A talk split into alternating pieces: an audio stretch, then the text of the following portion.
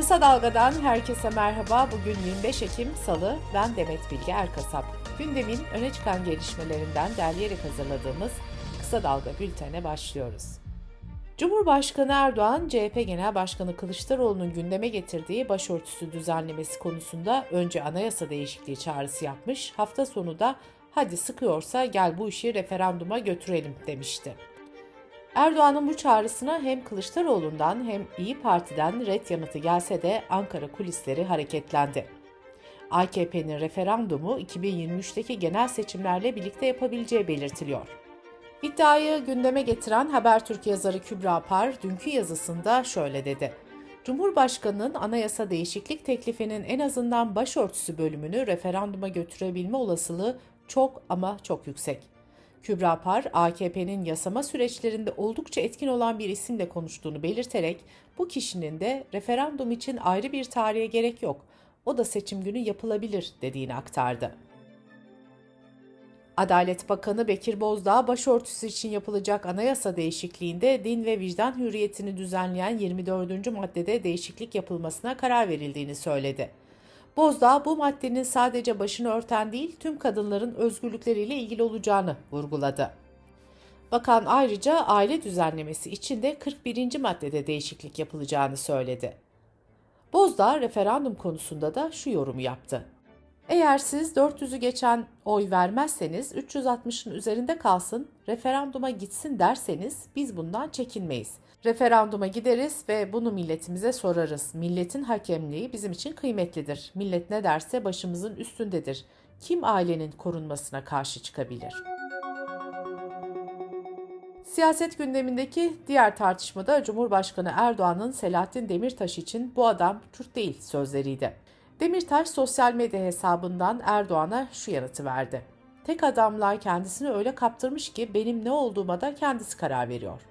Saadet Partisi lideri Temel Karamollaoğlu da bu konuyla ilgili kendisine yöneltilen bir soru üzerine Kürt müdür değil midir bilmiyorum ama önemli olan fikirleri değerlendirmesinde bulundu. Demokrat Partili Cemal Engin Yurtta Erdoğan'a tepki göstermiş, o Kürt değil, şu Kürt değil diye ayrım yapıyor demişti. Gezi davasının 25 Nisan'daki duruşmasında Osman Kavala'ya ağırlaştırılmış müebbet, Mücella Yapıcı, Çiğdem Mater, Hakan Altınay, Mine Özer'den, Can Atalay, Tayfun Kahraman ve Yiğit Ali Ekmekçi'ye 18'er yıl hapis cezası verilmişti. Cezaevinde olan Osman Kavala dışındaki diğer isimler de tutuklanmıştı. Aralarında siyasetçilerin, gazetecilerin, bilim insanlarının bulunduğu birçok isim dün Twitter'da Gezi'ye bin selam diyerek adalet talebinde bulundu. İstanbul Büyükşehir Belediye Başkanı Ekrem İmamoğlu da sosyal medya kampanyasına katılarak özgürlüklerine kavuşmaları konusunda var gücümüzle mücadele edeceğiz dedi.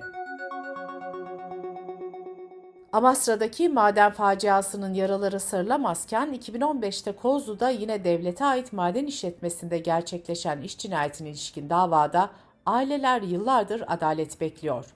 Ocak 2013'te 8 madencinin ölümüne yol açan Kozlu maden faciasına ilişkin dönemin TTK Genel Müdürü ve 5 yönetim kurulu üyesi hakkında 9 yıl sonra dava açıldı.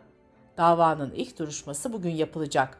Doğçevelle Türkçe'nin haberine göre dönemin yöneticileri görevi kötüye kullanmak, taksirle ölüme ve yaralanmaya neden olmakla suçlanıyor. Kısa Dalga Bülten'de sırada ekonomi haberleri var. Birleşik Kamu İş Konfederasyonu açlık ve yoksulluk sınırını açıkladı. Buna göre 4 kişilik bir ailenin aylık mutfak masraflarını kapsayan açlık sınırı Ekim ayında 8223 liraya çıktı. Bir ailenin kira, fatura, ulaşım, eğitim ve giyim gibi aylık tüm giderlerini kapsayan yoksulluk sınırı ise 24.513 liraya yükseldi. Yoksulluk sınırı 4,5 asgari ücrete denk geliyor. Araştırma gıda fiyatlarındaki fahiş artışı da çarpıcı şekilde ortaya çıkardı. Süt, yoğurt ve peynir için yapılması gereken aylık harcama bir önceki aya göre 150 lira artarak 2169 liraya çıktı. Meyve için harcanması gereken para Ekim'de 18 lirayken geçen yılın aynı ayına göre 290 lira artarak 621 lira oldu. Sebze harcamasında da durum farklı değil. Sebze parası Ekim'de önceki aya göre 207 lira, geçen yılın aynı ayına göre 762 lira artarak 1083 liraya ulaştı. Ekim'de 79 lira artarak 864 liraya yükselen ekmek, un ve makarna gibi ürünler için yapılması gereken harcama ise son bir yılda 324 lira artmış durumda. Yüksek enflasyon nedeniyle alım gücü gerilemeye devam ederken asgari ücrette yapılacak artış da gündemin önemli maddelerinden biri. AKP Genel Başkan Yardımcısı Numan Kurtulmuş, bir miktar refah payını da koyarak herkesin tatmin olacağı, iyi oldu diyebileceği bir asgari ücret gündeme gelecektir açıklaması yaptı. Meclis Plan ve Bütçe Komisyonu'nda AKP'nin sunduğu torba kanun teklifinin görüşülmesine başlandı. Teklifte yer alan limanların 49 yıllığına özelleştirilmesinin önünü açan madde geri çekildi. Aile ve Sosyal Hizmetler Bakanı Derya Yanık, eşi ölen kadınlara 300 bin liralık konut desteği verileceğini söyledi. Yanık, 2023 konut için toplam bütçelerinin 607 milyon lira olduğunu ifade etti. Bakan ayrıca konut projesinden eşi ölmüş ve 18 yaş altı en az 3 çocuğa sahip kadınların yararlanabileceğini bildirdi. Uluslararası Para Fonu IMF'nin raporuna göre Avrupa gelecek yıl enerji alanında büyük fiyat artışıyla karşı karşıya kalacak. Raporda Avrupa'nın bu yıl depoladığı yakıt rezervleri sayesinde önümüzdeki kışı atlatabileceği belirtilirken gelecek yıl için risklerin bulunduğu vurgulandı. IMF 2022 Eylül ortasına kadar Rusya'nın Avrupa'ya gaz arzının yıllık bazda %80 oranında düştüğünü de açıkladı. Forbes dergisi yıllık milyarderler listesini yayınladı. Sıralamaya 2755 milyarder girdi. Dergiye göre Türkiye'de dolar milyarderi sayısı 27'den 24'e geriledi. Dış politika ve dünyadan gelişmelerle bültenimize devam ediyoruz. Demokrasinin Çeşitleri Enstitüsü'nün 2022 demokrasi raporu dünyadaki yönetim biçimlerini ve öne çıkan eğilimleri ortaya çıkardı. Rapora göre 1990'ların sonunda sadece 3 ülke otoriterleşme eğilimindeydi. 2021 yılında ise sadece 15 ülke demokrasi yolunda ilerleme kaydederken 33 ülkede otoriterleşme eğilimi arttı. Liberal demokrasinin hakim olduğu ülke sayısı son 25 yılın en düşük seviyesine indi. Avrupa Birliği de otoriterleşmeden payını aldı. Avrupa Birliği üyelerinin %20'si otoriterleşme dalgası yaşıyor.